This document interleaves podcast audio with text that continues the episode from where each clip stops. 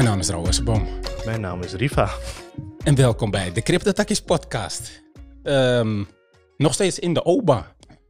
Want de Openbare Bibliotheek Amsterdam is met 28 vestigingen een essentiële plek en voorziening. Waar mensen de mogelijkheid hebben om elkaar te ontmoeten. Vrij toegang hebben tot kennis, informatie en cultuur. En ook om eh, hun water te laten vallen. Ja. Voor de podcast begint. Ja, Ja, ja, ja. Dat, dit komt nou. Dit moet ik even Ik vertellen. heb niet eens mijn, ik heb niet eens mijn glas gepakt. Dat maakt niet uit. Eh, ik ga niet drinken deze podcast. Ik heb alle vocht zit in deze tafel en onder mijn voeten.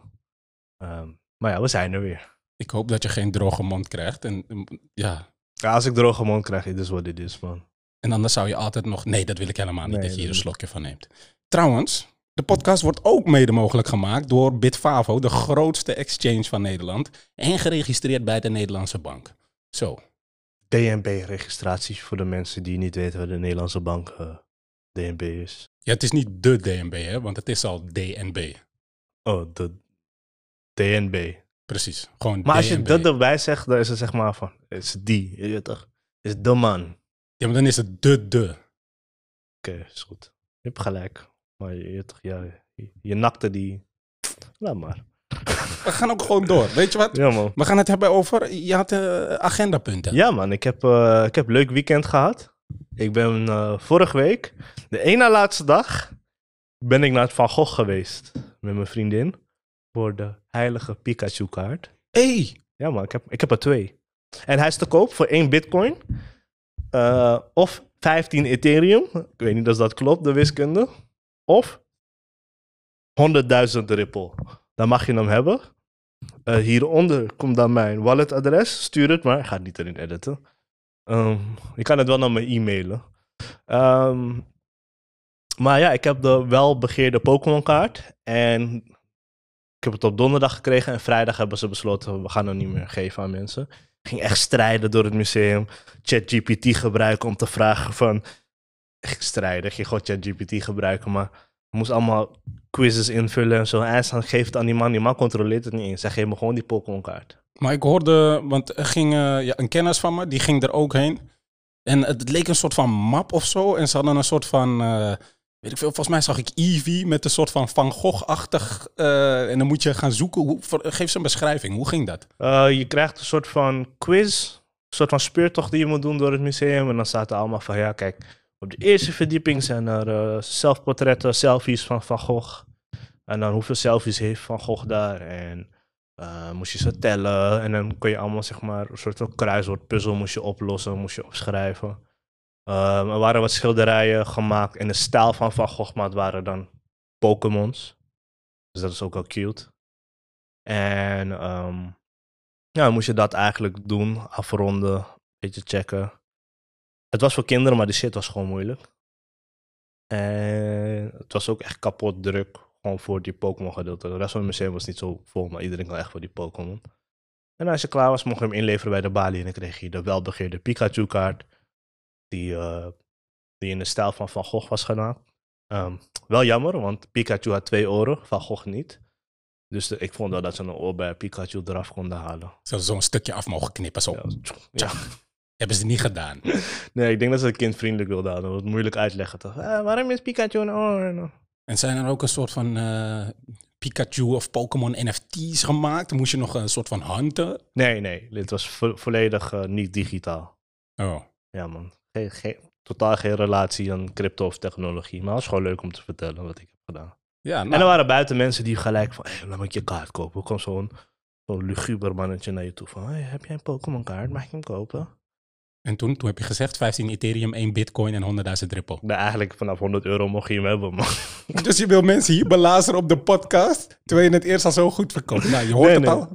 Miskoop, niet doen. Nee, jawel, jawel. 1 bitcoin of 10 miljoen euro. Ja, blijf stil. Ja, man. Laten we, laten we gewoon doorgaan. Want we hadden ehm, natuurlijk, omdat we de eerste twee episodes hebben gedraaid, krijgen we natuurlijk leuke luisteraars. En die leuke luisteraars, die komen natuurlijk ook met vragen. Ehm, en dat was wel leuk, want eh, een van die luisteraars, eh, Maarten, ik ga zijn achternaam niet noemen, maar ja, jij legt net de relatie met kinderen. En dat is wel grappig, want Maarten, die heeft het dan wel over crypto en niet over Pokémons. En Maarten die wilde weten van, hey, ehm Raoul, ben wel nieuwsgierig. Hoe breng je crypto onder de aandacht bij basisschoolleerlingen?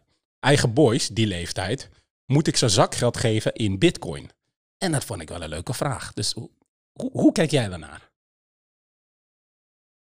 Broer, die man moet werken voor zijn geld, maar hij gaat huidje doen. Dan, wat moet hij dan zijn walletadres laten zien? Nee, maar je zou je kinderen in theorie eh, in bitcoin zakgeld kunnen geven met eh, bijvoorbeeld zo'n functionaliteit of een tool zoals Bits van Ja. Bitonic. Ja, dat kan. Dus dan zou je voor bijvoorbeeld een vijfje of misschien, volgens mij is het vanaf een tientje, kun je eh, volgens mij met bits per week of eh, per maand, zou je je kinderen zakgeld kunnen geven. Weet je nog dat wij naar ehm, de basisschool zijn gegaan in Gouda? Dat was de Prinses Juliana school. Ehm, en toen vroeg ik aan die basisschoolkinderen van, hey, wie ontvangt er allemaal digitaal zakgeld? was gewoon iets van 60 of 70 procent. Nicole, zoiets, 60, 70 procent van de leerlingen.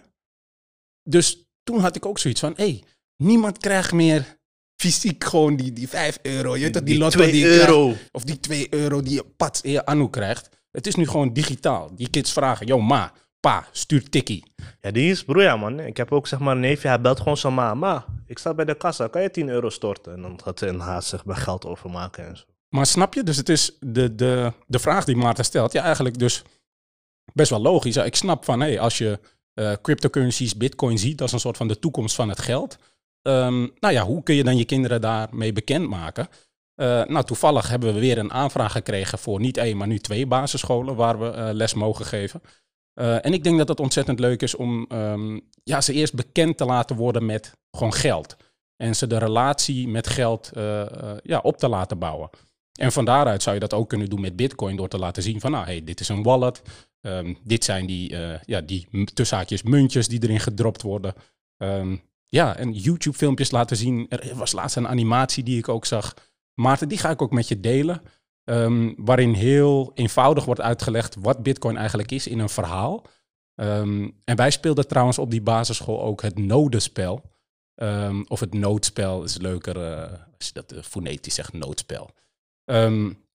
En daarin probeerden we eigenlijk eh, visueel te maken en ze laten ervaren hoe zo'n gedistribueerd netwerk werkt. En dat was echt leuk om te doen. Dus misschien het nodenspel is misschien ook wel eh, een dingetje, Maarten. Daar ga ik je ook nog wel eh, ga ik je even over berichten. Goeie vraag, Maarten. Maar daar is het niet bij gebleven. We hadden nog een vraag. Niet van Maarten, maar van Martin. Inderdaad, van Martin. Ehm, nou ja, Martin geeft aan, hey, tof je weer te horen in de podcast. Love, Martin, love, love, love. Eh, en hij heeft een vraag. Nou, ik weet dat jij niets met traden doet, inderdaad. Daar doen we vrij weinig mee. Eh, maar misschien ken je één, of voor mij een laagdrempelig persoon, die iets uitlegt over inverse perpetual trading. Ik ken het principe, maar margin berekenen vanuit DCA blijft lastig. En nee is voor mij ook een antwoord. Dus Rifa, ja, ik moest meteen aan jou denken. Inverse perpetual trading. Nee! Nee. Maar dat wil niet zeggen dat we het niet gaan uitzoeken. En als er bedrijven zijn die tradingcursussen verkopen, stuur ons een mail. Dan gaan wij het kritisch bekijken. En als ik het leuk vind, zeg ik er misschien wat over. En als ik het niet leuk vind, doe ik dat niet. Want misschien kan je er wel wat van leren. En eh, ja, ik ben wel benieuwd hoe dat eraan toe gaat. Ik wil ook zeg maar in zo'n groepje mensen zitten en motivational video's maken met een lange manteljas van hoe je niet slaaf moet worden van de matrix en kan ontsnappen uit de red race. Dus weet niet, als ze die communities ook kijken, connect mij, niet Raoul. Raoul gaat gewoon nee zeggen, maar ik ben wel benieuwd. Ja, ik, ik, ik denk dat ik eerder zou zeggen: hey, heb je al een van deze boekjes gelezen? En trouwens, daar zouden we het dit keer over hebben. Over niet Bitcoin Explained, maar over. Ik, ik overhandig hem aan jou, want jij hebt hem ook gelezen. The Internet of Money by Antopoulos, maar Nee, dit kan echt niet, want je hebt nu dit boek gelezen, dus je kan zijn naam niet meer verkeerd ben, ik ben zijn uitspreken. voornaam gewoon vergeten. Andreas Antonopoulopoulos. An- Andreas M. Antonopoulos. Andreas M. Antopoulopoulos. Andreas Antonopoulos, dank u wel. En we gaan dus vandaag voor het eerst een boekbespreking houden. En toen we dit concept eigenlijk gingen bedenken, toen zaten Riva en ik ook van, oh ja, een boekbespreking. We houden beide van lezen, toch? Zeker weten. En toen dachten we van, hé, maar die boekbespreking, hoe ging dat vroeger? Was wel wat toen. Voordat we deze aflevering gingen opnemen, waren er ook twee, twee jongboys. Dat, ja, dat moet ik even zeggen, dat vond ik echt leuk. Misschien kijken ze ook deze podcast en denken ze, hé, we waren ook in die ruimte. En toen gingen we een boek uitzoeken. Ja, jullie. Daar houden we van. Blijven lezen. Ze, gingen het gewoon via ChatGPT maken. Gewoon hun Nee. hele template van hun boekverslag uploaden. Schrijf, vul dit voor mij in. Dit is, dit is niet waar, Riva. Dit is niet waar. Dit heb jij ze verteld dat ze dat met ChatGTP kunnen Ja, doen. zeker. En vroeger ging ik naar scholieren.com en dan ging ik echt doodstrijden van welke boekverslagen waren er. En dan kun je nog zien hoeveel woorden ze hadden. Sommigen hadden 50, sommigen hadden 7000. Dan dacht ik van, ah, laat me ik veel boeken zoeken die veel boekverslagen hebben. Dan kon ik zeg maar van eentje het intro stelen van die andere. Dan ging ik zeg maar copy-pasten en zo. En volgens mij op de middelbare school moest ik 12 of 15 boeken lezen voor het VWO. Volgens mij heb ik er één gelezen. Ja, ik ga ook niet liggen. Ik heb op de middelbare school echt heel weinig boeken gelezen. Komt ook, ik, ik was ook goed in Nederlands, dus ik had er niet veel moeite mee. Dus ik kon heel snel er doorheen. Maar voor het doen van een boekbespreking ben ik dus wat onderzoek gaan doen. Want hoe werkt dat nou? Nou, vroeger, dan gingen we dus eh, eh, eh, naar zo'n soort van een manual, een handleiding voor hoe je een boekbespreking dan moet doen. Nou, ik heb het eventjes opgezomd. Laat het boek zien en vertel de titel van het boek.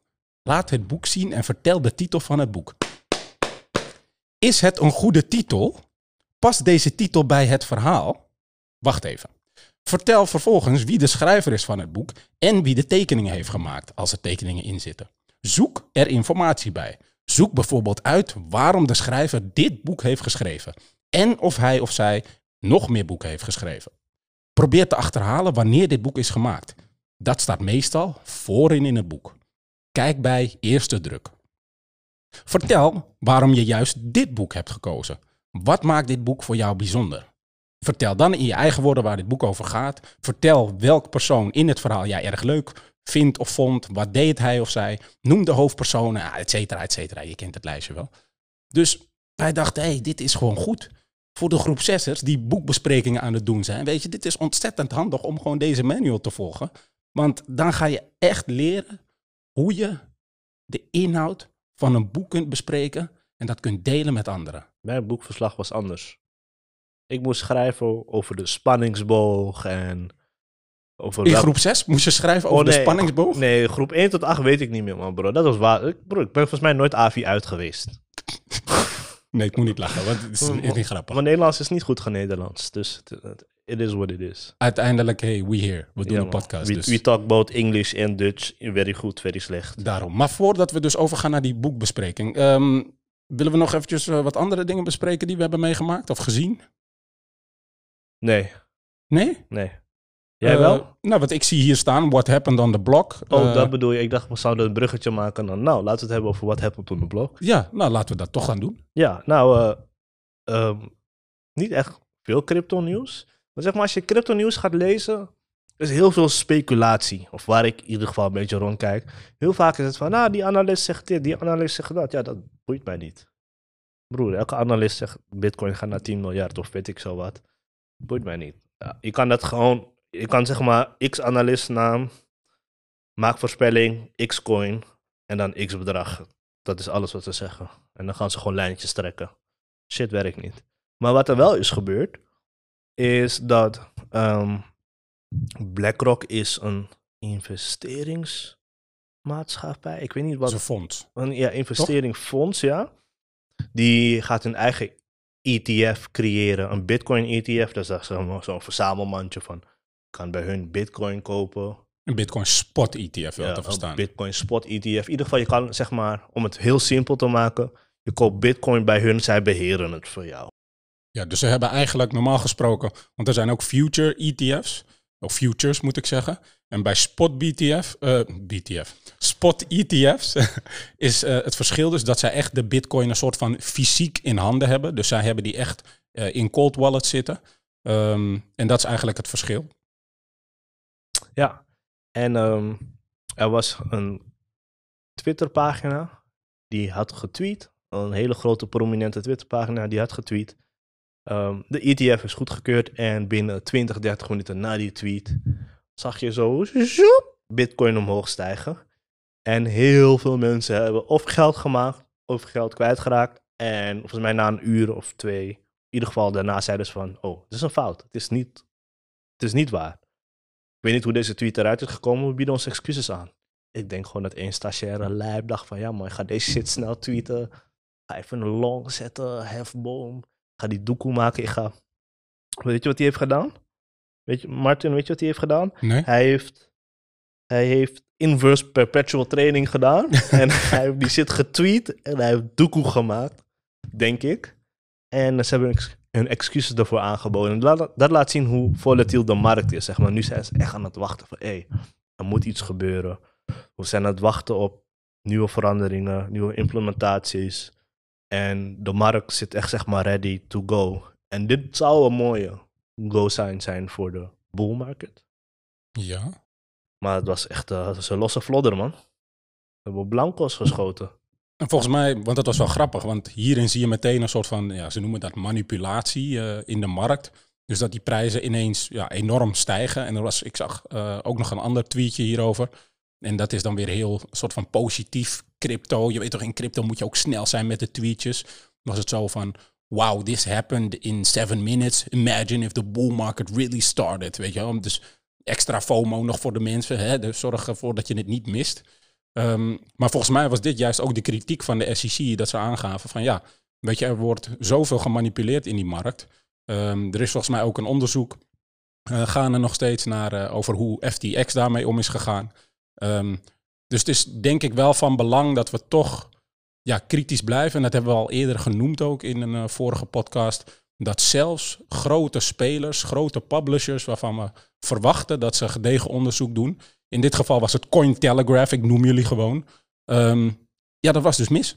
Uh, en heel veel mensen zijn dat gaan volgen. En um, ja, het blijkt maar weer eens dat je toch altijd eventjes moet wachten. En dan mis je maar die enorme pump of dat enorme geld, weet ik veel wat het is.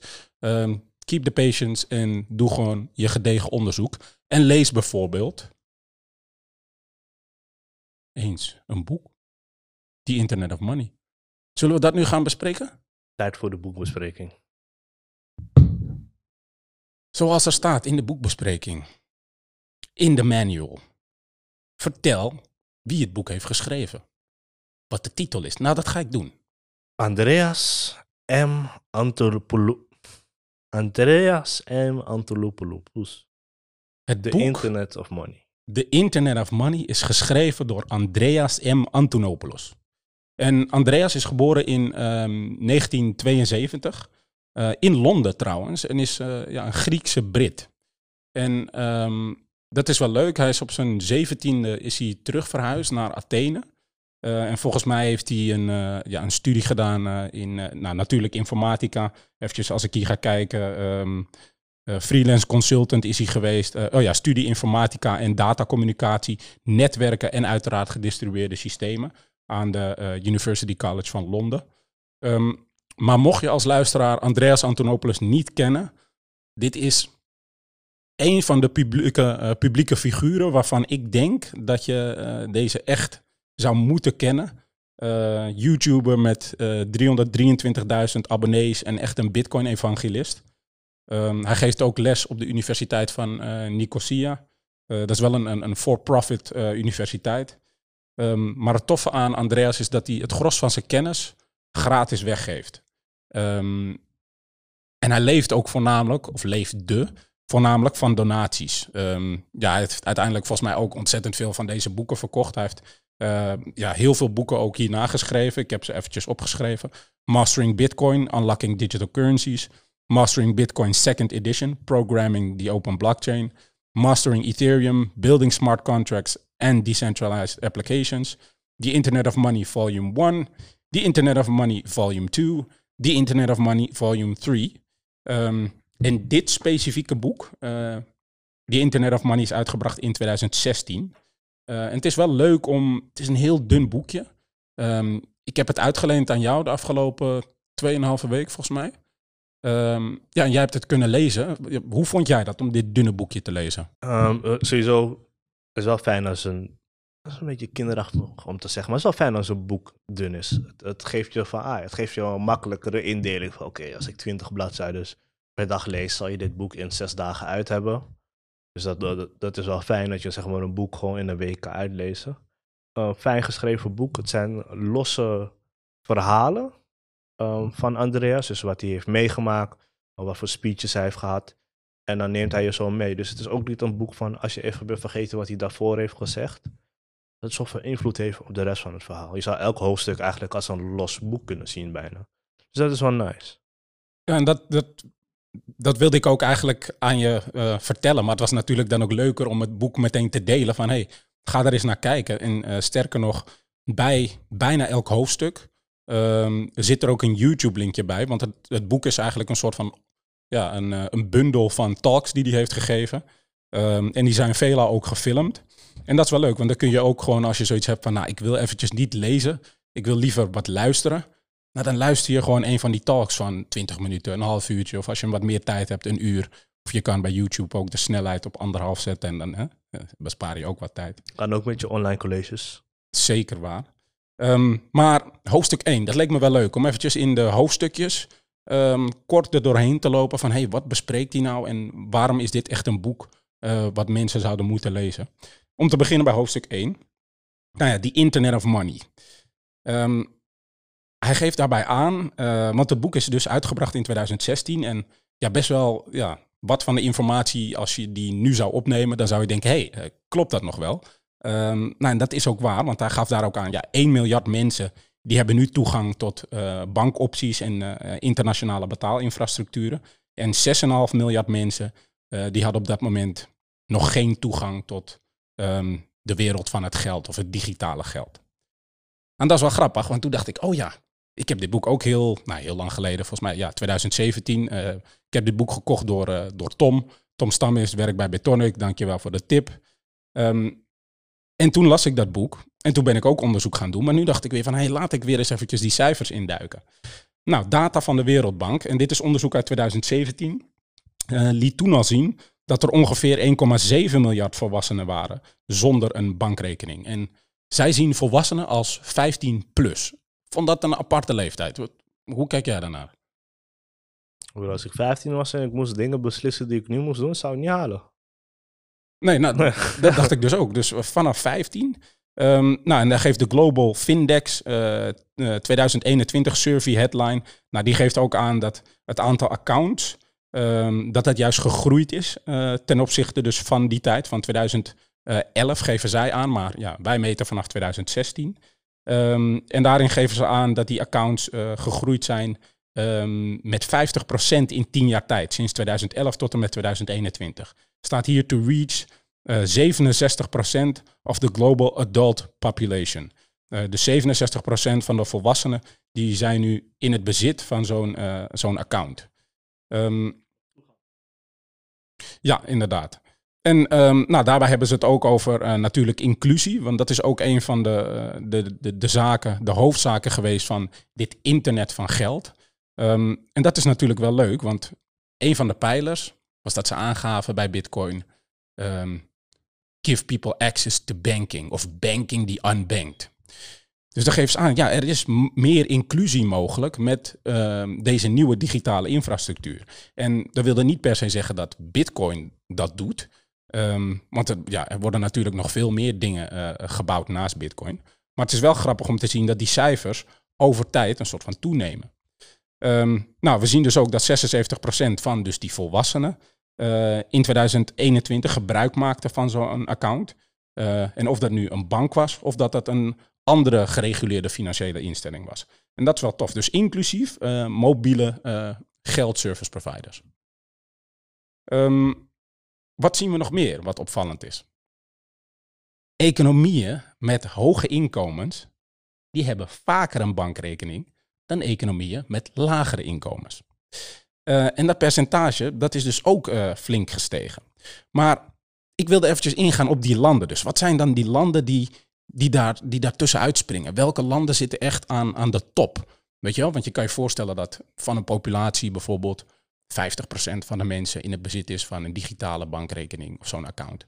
Maar je kan je ook voorstellen dat er landen zijn, dus landen met, uh, ja, waarin er meer welvaart is, waarin 98% van de totale gemeenschap zo'n account heeft. Kijk, Sowieso zou ik niet Nederland zeggen, want ik ken genoeg niffels die ach, gewoon alles je, toch cash betalen. Je weet toch, ik, heb ook gewoon een neef die maar trekt gewoon flappen uit zijn broekzak. Ja, ik vertrouw die banksysteem niet. Ehm, dus ik denk dat het ergens in Scandinavië moet zijn. Zweden, Noorwegen, Ja. Denemarken. Ja, ik, je, je zit goed. Je zit heel goed. Ik, ik ga ze even opnoemen. Dus de landen eh, die eruit springen. eh, en die percentages die zitten tussen de 97% en de 100%. Denemarken, dat is nummer 1. IJsland, nummer 2. Het is weer koud. Zweden, nummer 3. was Weer koud. Oostenrijk en Noorwegen, die zitten, eh, heb ik eventjes samen plek 4 gegeven. Finland, plek 5. En daarna pas Nederland. Maar, Zei je toch, ik ken niffels zonder bankrekening. en, maar ik vraag me dus af, dus als je al die landen ziet, het is er sowieso koud. Dus dat is al één wat grappig is, maar als je gaat kijken naar de populatiegrootte, Denemarken, 5,8 miljoen mensen. IJsland, 400.000 mensen. Zweden, 10,4 miljoen. Oostenrijk en Noorwegen, 8,9 en 5,4 miljoen. Finland, 5,5 miljoen. Nederland als laatste 17,5 miljoen. Iets wat mij opviel, is dat het om relatief lage aantallen gaat. Ja, wat, hoe kijk jij daarnaar? Het is toch de, de simpele wiskundesom. eh, Als je een taart door minder mensen moet delen, krijgen meer mensen een stukje taart, toch? Ja, maar misschien ook, ja, dus inderdaad hoe, hoe gemakkelijk het is dat als eh, de populatie een soort van, eh, ja, klein is. Maar ook even toevoeging op die Scandinavische landen, als ik dat even mag zeggen. Ehm, volgens mij is hun, overheid ook heel anders. Hun overheid is erg ondersteunend. Volgens mij word je in een van die landen geholpen om een huis te krijgen. Ze helpen je om je eerste hypotheek te krijgen. Dus dan is het denk ik dan wel handiger om een rekening te hebben. Want dan iedereen denkt van, ah oké, ja, ben 18, ik wil een huis halen. Ja, moet ik wel bankrekening hebben of wanneer hoe oud je bent. Als de overheid je daarin wilt steunen, dan moet je ook iets daarvoor doen. Dus ik denk dat het ook een dubbelwerking is van het wordt indirect gestimuleerd van doe het. Kunnen ze je financiën ondersteunen. Ehm, so- sociale zorg is daar volgens mij heel goed. Maar dan moet je dan ook denk ik verzekering hebben. En om verzekering te betalen moet je dan weer een bankpas hebben. Dus weer een rekening hebben.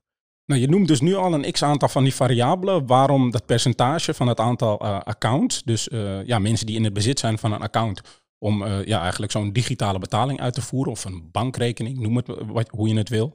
Ehm, dit is een van die variabelen die je noemt en daar komen we straks eventjes op terug. Maar er zijn ook nog overige landen waarin dit percentage van accounts ook best wel hoog ligt. Ehm, dat zijn bijvoorbeeld Australië, Canada, ehm, Estland, Frankrijk, Ierland, Japan, Nieuw-Zeeland. Singapore ook, waarvan ik ook had verwacht dat dat misschien iets hoger zou liggen. Eh, en als laatste Zwitserland. En ik ging dus zoeken in die lijst. Ik scrollen, scrollen, scrollen. Waar zit Su? Waar zit Suriname? Suriname staat niet op die lijst. Geen developing economy. Ja, maar bro. Nee, niet lachen, Nee, niet nee, lachen. nee, nee. Wat is u? Heb je gewoon. Bro, als ik naar Suriname ga en ik moet SRD hebben, ik ga niet naar een pinautomaat. Ik ga naar de markt. Er is een Hindoestaans mannetje daar, zijn haar glad naar achteren, heuptasje vol. Die man trekt gewoon die SRD eruit. Hij zegt maar, dit is de koers die ik je aanbied. Ik geef hem mijn euro's, ik krijg SRD's terug. Dus uit persoonlijke ervaring kan ik je al zeggen van... is niet aan daar, die banksysteem. En, en daarvan dacht ik, hé, daar, daar moet wat aan gebeuren. En helemaal dus, ehm, nou, we zien dit gaat over accounts. ehm, maar ook qua crypto-adoptie. Dan had ik verwacht, nou, misschien eh, groeit dat daarin su. En toen ben ik ook eens gaan nadenken over van, hé, laat ik eens kijken naar de globale crypto-adoptie. Ehm, nou, en toevallig, eh, Chain Analysis, die heeft daarvoor een, eh, rapport uitgebracht. Ehm, en daar is het heel duidelijk te zien dat eh, ja, een soort van een x-aantal van die opkomende economieën ja, toch wel gebruik maken van ehm, deze ja, nieuwe technologie, deze nieuwe infrastructuur, zoals Andreas dat ook beschrijft in dit boek. En dat is wel leuk. India loopt daarbij voorop in de strijd. Ehm, maar daarnaast zien we ook dat de adoptie in bijvoorbeeld Nigeria enorm toeneemt. Die hebben, eh, volgens mij staan die op de tweede plek. Maar dan is het ook leuk om te kijken, hey, hoe meten ze die adoptie? Andreas had het over, hè? zo weinig mensen hebben een bankaccount. Nou, we zien over tijd zijn die financiële eh, infrastructuren zijn gaan groeien. Mensen zijn gaan werken aan de infrastructuur in hun landen. Nou, hoe ziet, eh, hoe ziet dat eruit qua adoptie voor crypto? Nou, ze kijken dan uh, in eerste instantie naar de on-chain data en de real-world uh, data om te meten uh, welke landen er een soort van leidend zijn in, in crypto-adoptie. Um, on-chain data, moeten we dat nog eventjes uitleggen? Um, on-chain data is alle informatie die direct wordt opgenomen en ook wordt opge, opgeslagen in een blockchain. Nou, en die data die kun je dan weer analyseren. Dat kun je doen met tools of als je zelf heel handig bent, dan kun je dat zelf analyseren. Um, kun je trouwens ook doen met een, uh, ja, bijvoorbeeld een blockchain explorer. Die is uh, publiekelijk inzichtelijk en daar kun je allerlei analyses uitvoeren. Um, moet je wel handig voor zijn. Maar daarom Chain Analysis die heeft een eigen tool daarvoor uh, ontworpen. En een x-aantal van die variabelen zijn ehm, om die score te bepalen. Nou, de grootte van de populatie, de koopkracht. En dan kijken ze natuurlijk ja, in welk land ja, wat de gemiddelde koopkracht is. En als laatste volgens mij de crypto-activiteit echt. Dus hoe wordt de peer-to-peer uitgedeeld? Nou, volgens mij nog wat variabelen. Moet je maar even zelf checken.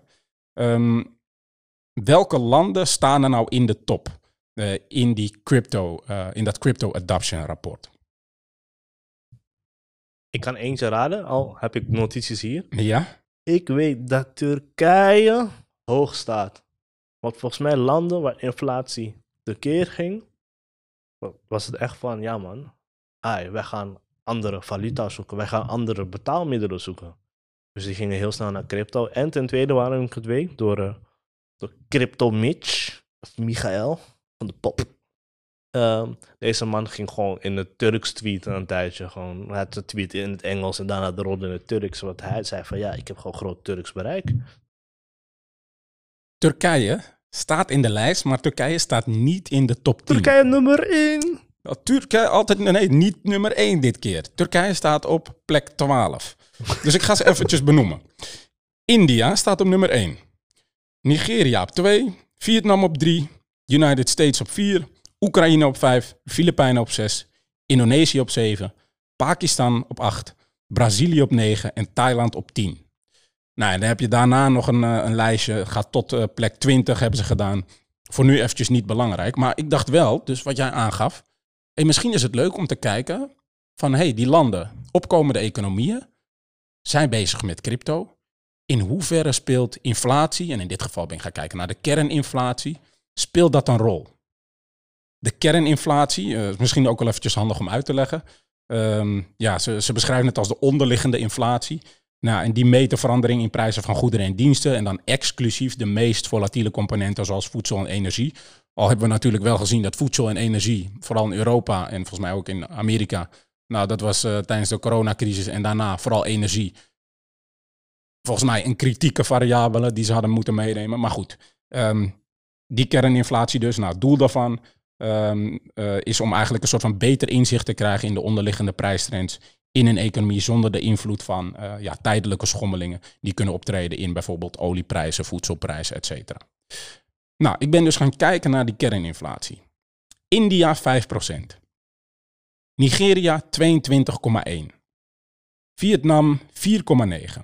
De US 4,1. Oekraïne 8,4. De Filipijnen 5,9. Indonesië 2%.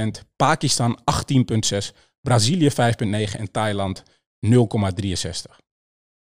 Nou ja, dan zou je zeggen, nou, dat, dat varieert toch? Ik bedoel, als jij daarnaar kijkt, wat, wat, wat zou je dan zeggen? Kun je dan direct een conclusie trekken? Nee.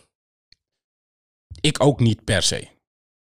Maar het leuke is wel dat als je gaat zeggen, nou, welke landen met de hoogste kerninflatie staan er in die crypto-adoptielijst? Nou, dat is wel leuk, want dat zijn gewoon Argentinië met 142 procent. Turkije op plek 2 met 68,93 procent. Egypte staat ook in de lijst met 39,7 procent. Nigeria, oh nee, Egypte staat niet in de lijst, uh, maar heeft ook hoge inflatie. Um, Nigeria 22,1 en Pakistan met 18,6 procent. Dus uit de top 5 landen met de hoogste kerninflatie zijn er dus vier landen die erin staan met de hoogste crypto-adoptie. En dat vind ik opvallend. Wat vind jij? Dat zag je toch ook tijdens uh, corona, dat uh, werd veel geld gedrukt, dus mensen waren bang voor inflatie. Gingen ze ook gewoon, de cryptomarkt ging ook gewoon hem. Want iedereen zag gewoon van, ah, oké, geld gaat minder waard worden. Ik moet iets zoeken waarin ik mijn waarde kan vasthouden. Maar dat is dus het ding. Dan moet je dus ook de mogelijkheid hebben ehm, ja, om om, het te doen. om dat te kunnen doen. En dat was een van die variabelen die je aangaf van hey, hoe kan het zo zijn dat in bepaalde regio's dat accounts groeien. Als we kijken naar Denemarken, eh, Zweden, eh, Finland. Finland ontzettend ook digitaal. Nou, ik had het net over de populatiegrootte. Maar jij gaf aan, ja, bijvoorbeeld ook de infrastructuur. Infrastructuur speelt ook een enorme rol. Ehm, ja, wat, wat, wat kan nog meer een grote rol spelen daarin? Infrastructuur. Ja, eigenlijk, ik denk dat infrastructuur best wel breed is. Je moet, je moet. Ik zou eigenlijk, mijn antwoord zou voornamelijk infrastructuur zijn. Dan kan je het zeg maar verder opdelen in wat voor middelen hebben ze, ehm, economische achtergrond, educatieniveaus, dat soort dingen. Ja, nee, eens. En eh, nou, als we het dan toch hebben over educatie, dan lezen we gewoon dit boekje en gaan we kijken naar van hé, hey, hoe, hoe, hoe ziet die crypto-adoptie er nou uit en hoe beschrijft Andreas dat? Want voordat die adoptie plaatsvindt, speelt denk ik ook een stuk educatie speelt ook een rol. En dat is mede ook, denk ik, een van de redenen dat we eh, deze podcast ook in de open houden. Dat we het ook willen hebben over van, ja, weet je, crypto is veel meer dan alleen dat financiële stuk. Ehm, en Andreas legt dat ook uit en hij heeft het in dit geval over specifiek Bitcoin. Hij geeft aan, ja, Bitcoin is digital money, but it's so much more than that. Uh, saying Bitcoin is digital money is like saying the internet is a fancy telephone. It's like saying that the internet is all about email. Money is just the first application. Bitcoin is a technology, it's a currency, and it's an international network of payments and exchange that is completely decentralized. It doesn't rely on banks, it doesn't rely on governments. Dit is heel mooi. Want dit is een moeilijk punt dat heel weinig mensen begrijpen. Je kan over Bitcoin praten in verschillende niveaus. Je kan het zien als geld, je kan het zien als technologie, je kan het zien als infrastructuur. Ehm, volgens mij beschrijft hij het zelfs verder in het boek. Je kan het zien als taal, als een communicatiemiddel. En dat maakt het ook best wel complex om over Bitcoin te praten. Want als je met iemand praat die dat niet begrijpt, of die maar één van de verschillende invalshoeken begrijpt. Ik begrijp ze ook niet allemaal hoor. Maar ik weet wel dat er meerdere invalshoeken zijn. Dan heb je ook zeg maar niet een goed gesprek met iemand erover. En ik denk dat Andreas dat heel mooi laat zien van Bitcoin is meer dan dat je denkt. En hij gaat je in het boek meenemen door de verschillende invalshoeken. En dan gaat je ook elke invalshoek een beetje uitleggen van hoe kan je ernaar kijken. Infrastructuur, hoe kijk je hier naar? Hoe kijk je als valuta? Hoe kijk je als technologie? En dan gaat hij dat mooi een beetje uitwerken per hoofdstuk ook. Ja, en ik denk ook dat hij heel leuk een soort van de, de, de potentie aangeeft. Ehm, ja, het boek geeft een soort van, ja, een beetje een, een globale beschrijving. ook met rust, man. Ja, nee, ik, ik moet het, als ik, het, als ik praat, dan moet ik het gewoon vasthouden. Dan denk ik weer van, ja, zo voelde dat. Ja, het geeft gewoon een globale beschrijving van de potentie, van de mogelijkheden.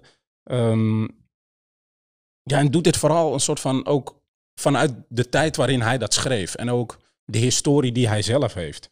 Ehm, op dat moment, weet je wel, we, we, volgens mij 2016, toen iedereen had bijvoorbeeld wel een Spotify-accountje. Mensen waren al bezig op YouTube. Ehm, alleen je gaat ook naar nadenken, hey, als je een soort van internet van geld hebt, wat wordt er dan allemaal mogelijk? Ehm, een bitcoin op te delen in 100 miljoen eenheden. Ehm, nou, die kunnen verstuurd worden over het internet. Wordt het misschien mogelijk om hele kleine eenheden te kunnen versturen of zelfs geld te streamen? Nou, dit boek was dus een van de eerste keren dat ik las over de uitvoer van het streamen van geld en micropayments. Ehm, hij beschrijft ook in het boek van dat bitcoin neutraal geld is. En ja, dat vind ik ook wel een leuke. En daar had ik ook eigenlijk voor dit boek niet zo heel veel over nagedacht. Terwijl ik wel een soort van aparte relatie heb met geld. Ehm, want geld is niet verkeerd.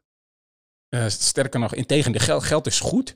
Alleen geld doet ook zoveel met mensen. En daardoor ben ik ook veel meer na gaan denken over van, hé, maar wat is geld eigenlijk? Uh, waarom is geld? Um, en vooral natuurlijk geldsystemen, weet je wel. Ja, ik zie je ja knikken.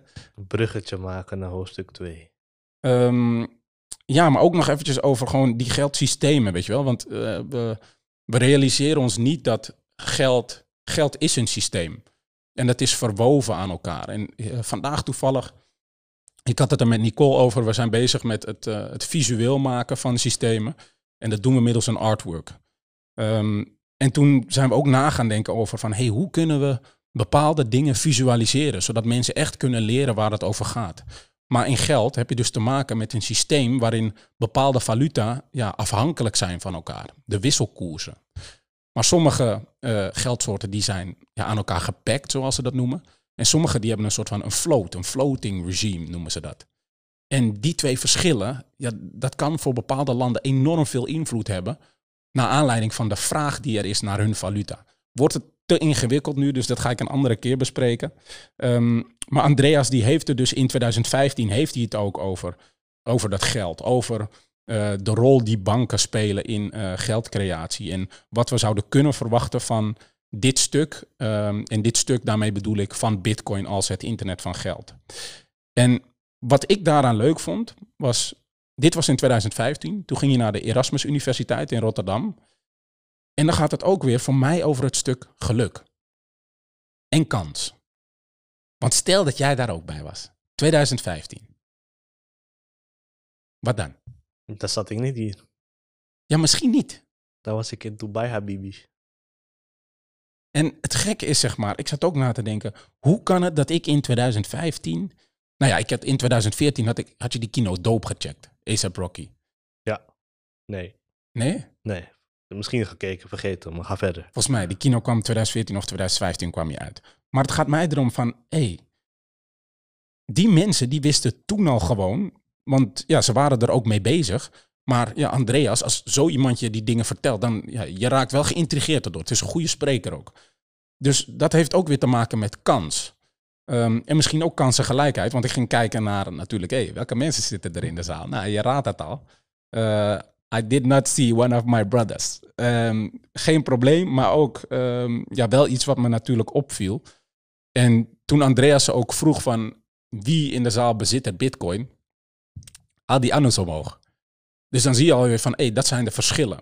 En ik denk dat dat het leuke is van deze podcast, dat we uh, ook op een vergelijkbare manier willen informeren. Uh, niet dat we willen zeggen van, hé, je, je moet bitcoin kopen of cryptocurrencies kopen. Nee, in tegendeel. Um, maar we moeten je wel informeren. En we willen er ook voor zorgen dat jij op de hoogte bent van dezelfde dingen als dat andere mensen zijn. Zodat je daarna ja, een soort van een gedegen keuze kunt maken. Of een afgewogen keuze met de juiste informatie. En dat wil niet zeggen dat alles wat wij zeggen volledig is. Hè? Dus doe ook altijd zelf je eigen onderzoek. Maar goed, het bruggetje naar inderdaad hoofdstuk 2. Geld. Wat is geld? Hoe oud is geld? Eerst die vraag. Hoe oud is geld, denk je? Dat heb je gelezen, dus ik hoop dat je het onthouden hebt. Hoe oud is geld? even oud als de mensheid. Want mensen gingen dingen ruilen en ze gingen waarde, um, um, waarde aanhangen, waarde zetten, waarde geven aan bepaalde producten. Dus je kon niet een steen ruilen voor een appel, want die mag je je aankijken van, nou, maar deze appel is eigenlijk vijf tomaten waard. Schetsen, hè? Ja. En eigenlijk was jij van, nou, maar met deze steen kan je gewoon uh, toch, een rat doodslaan. Dus het is ook waardevol. Dus ze gingen op een manier gingen ze waarde geven aan producten. En dan gingen ze die producten verhandelen. Dus het betekende niet als ik een appel had dat, jij, dat ik je één tomaat daarvoor wilde. Ik wilde minimaal vijf. Misschien vond ik mijn appel meer waard dan je tomaat. Dus kapot lang. Dus dat is ook het leuke. Want, um... Hey, maar wacht even. Hoeveel is een roti waard in vergelijking met de barra? Nee, laat maar. Eh, jawel, jawel, jawel. Laat maar nadenken. ik denk dat één roti is drie barra's waard, denk ik. Maar, is die maar inclusief die toespijs, hè? Ja, oké. Okay. Ik wou zeggen, want zonder toespijs is het één op één, denk ik. Ja, jawel, ja. Ja, klopt. Maar als we gaan kijken naar geld, wat, wat is geld dan? Geen roties en barras? nee, geld, geld, geld is informatie. Ja. En uh, ik, ik vond dat wel leuk. Ik, een tijdje geleden las ik een boek. Um, en toen vertelde iemand, uh, die schreef daarin dat geld um, een soort van de oogst is van je productiviteit. Um, geld is de waarde die je hebt gecreëerd of je arbeid uh, die je over tijd kunt meenemen. Um, alleen, ja, ik ben me toen ook gaan afvragen, ja, weet je, is geld ook nog steeds de oogst van je productiviteit? Um, want ik heb het idee dat productiviteit niet meer gaat over hoeveel moeite je nu moet doen, maar over of je een soort van meer geld kunt aantrekken, snap je? Uh, ja, dat, daar zit ik gewoon nu een beetje mee. Wat, hoe kijk jij daarna? Kijk, ook in het boek legt hij heel goed uit van als je als kind gaat vragen aan je ouders van um, wat is geld, hoe werkt geld. Daar legt hij heel mooi uit, dat hij volgens mij een mooie alinea over geschreven. Dan gaan, dan gaan ouders al heel snel zeggen van, ja, geld is gewoon iets waarmee je betaalt. En als je dan als kind gaat vragen hoeveel is het waard, dan krijg je uiteindelijk, dit is het antwoord, hou je mond. Dus geld is sowieso een heel ingewikkeld en delicaat onderwerp. En zelfs nu al lezen erover, en ik denk dat jij er ook veel over weet, weet is het nog steeds een best wel abstract idee dat we gewoon hebben gekozen om iets. Dit is zo, dit, deze informatie hechten we hieraan. Dit, we geven iets een waarde. En met deze waarde gaan we, gaan, we- gaan we het leven leiden. Ja, dat is een beetje een ding wat ze toch zeggen ook van, van fiduciair geld. Ehm, dat het vertrouwensgeld is. Dus dat woord fiducie afkomstig uit het Grieks, eh, in goed vertrouwen. Ja, Dus dat fiduciair geld vertrouwensgeld is. Maar Andreas die geeft ook in dit boek aan, en ook specifiek in hoofdstuk 2, van ja, bitcoin is niet alleen geld. Het is een soort van de transformatie van de technologie voor geld. En ehm, ja, nu stappen we met deze nieuwe technologie af van een soort van dat centrale beheer, waarin centrale organisaties ja, de, de hoofdmoot ja, zijn en die functie vervullen. Ehm, en daarin stappen we over naar een soort van meer decentraal model, waarin we ook zelf meer invloed kunnen uitoefenen ehm, op dat geld. En ehm, ja, ik weet niet, misschien is het ook gewoon een topic wat te weinig is en nog wordt behandeld op scholen. Want ik merkte ook dat toen ik hierover ging lezen, dat ik toch wel ging strokkelen over van, hé, hey, wat is nou dat concept geld voor mij? Wat betekent het precies? Hoe, hoe ben jij daar ja, de afgelopen twee weken eigenlijk mee omgegaan? Ik denk sowieso al sinds mijn crypto journey was het van oké, geld is meer dan alleen papier of wat je op je pinpas hebt. En het concept geld, ik denk dat ik het nog steeds niet 100% ga begrijpen, omdat het zeg maar toch wel abstract is. Ehm, maar ik denk wel dat zeg maar door verschillende invalspunten en ook vooral het invalspunt van Antopoepeloepoepoeloeps, dat hij iets nieuws creëert in je brein. En maar ik zou het nu niet kunnen vertalen. Ik heb het gelezen, het zit ergens in mijn hoofd, maar zou ik dat abstracte concept aan je kunnen vertalen? Nee, niet echt. Dus geld is nog steeds best wel ingewikkeld voor mij om, om antwoord op je vraag te geven. En ja, dat is het dus voor heel veel mensen, want het, het is ontzettend complex. En hij geeft dat ook aan in zijn boeken. Skippen we eventjes hoofdstuk 2, gaan we een beetje door naar hoofdstuk 3. Heeft hij het over eh, ja, een soort van de negatieve uitkomsten. En ja, die negatieve uitkomsten vanuit dat geldsysteem, die zijn er niet omdat mensen eh, een soort van in en in slecht zijn. Is ook een guy, ik ben even zijn naam kwijt, maar die heeft het boek geschreven dat eh, alle mensen deugen, toch?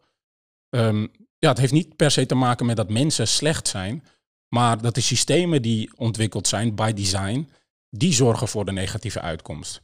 Ehm, hij geeft ook een quoteje en dan zegt hij: It has to do with the fact that these institutions, through their shape, through their architecture, uh, produce outcomes that are not good. Ehm, en als we het dan hebben over geld, want dan denk je vaak over, oh geld één ding, hè? maar ja, geld is een soort van heel veel. Het is ook opgedeeld uit stukjes. Ehm, dat noemen ze MO of M0 of MB.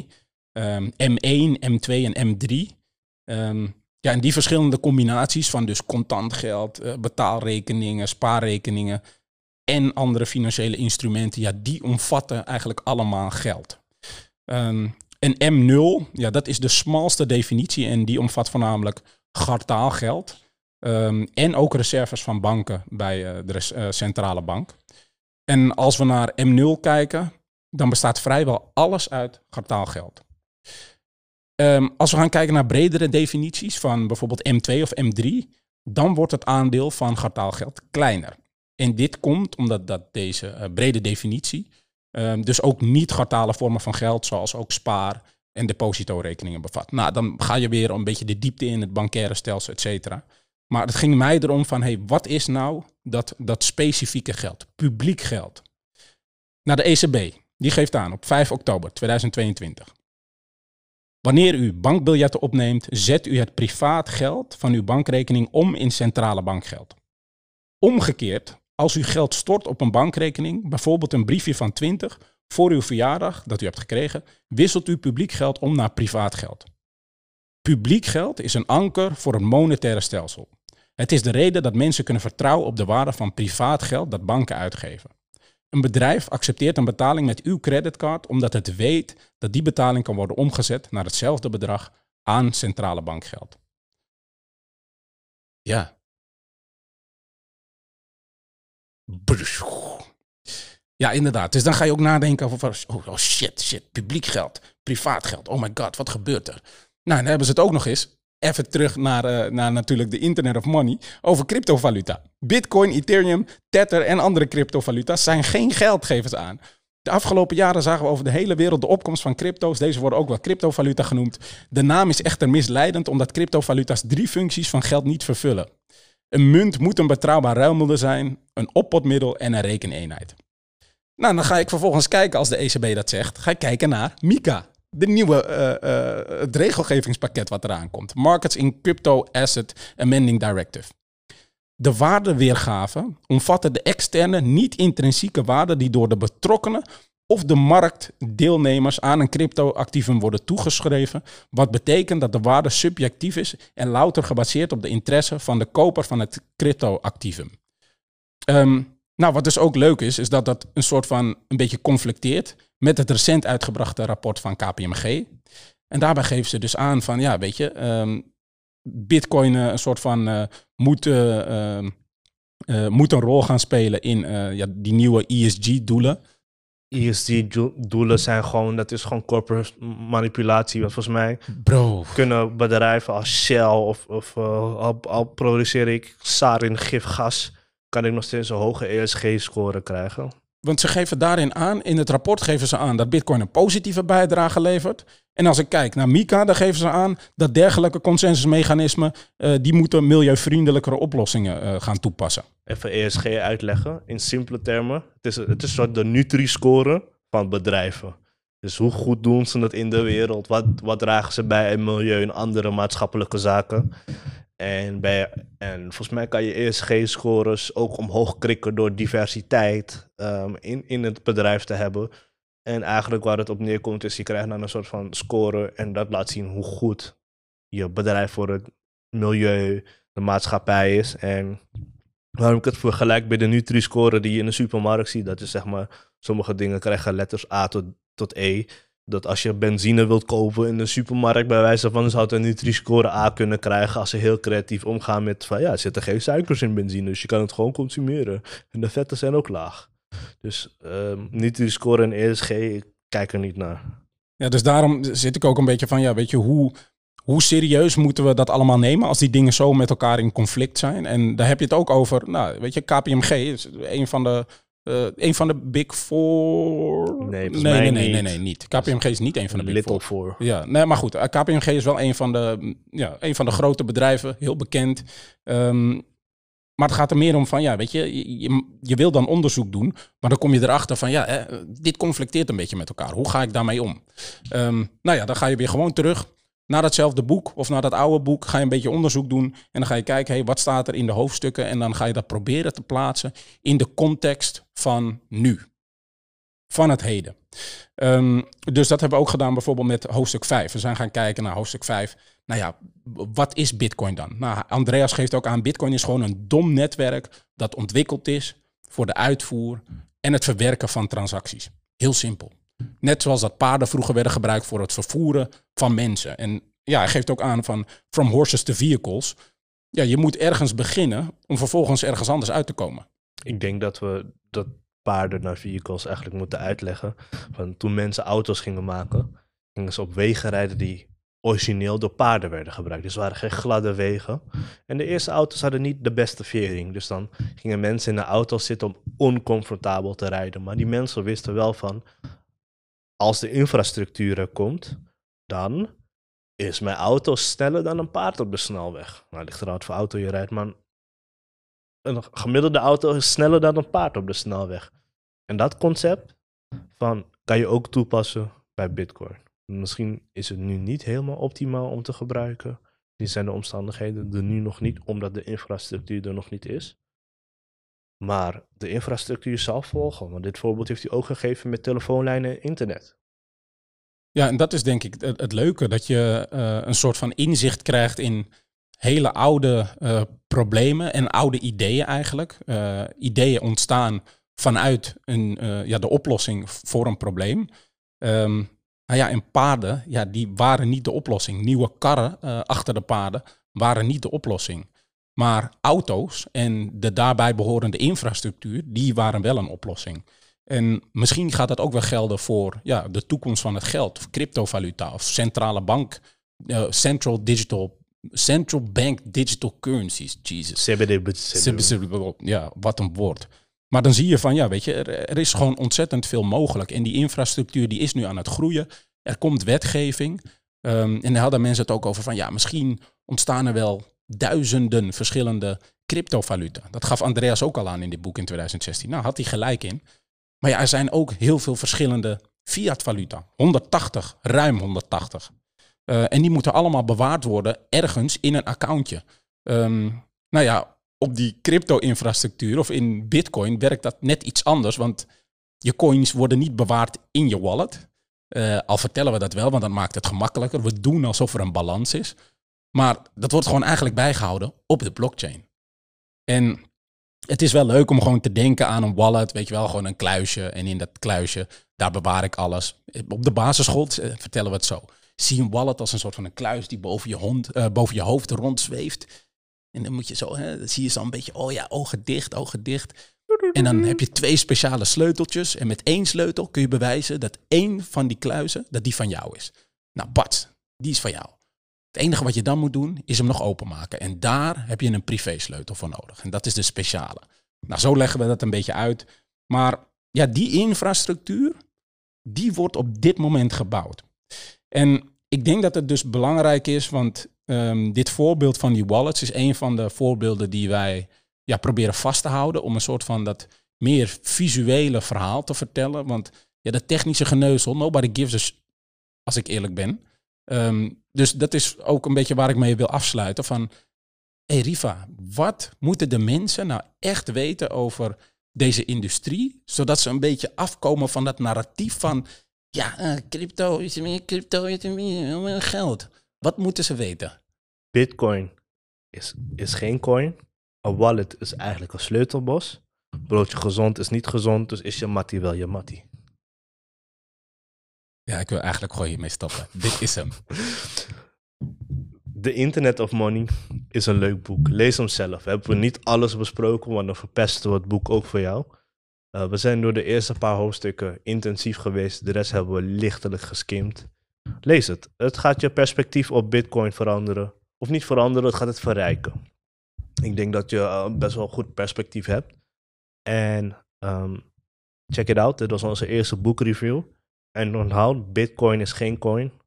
Wallet is eigenlijk een sleutelbos. Broodje gezond is niet gezond. Is je mattie wel je mattie? Dit was van Kulas en Blakka trouwens. Vijf sterren.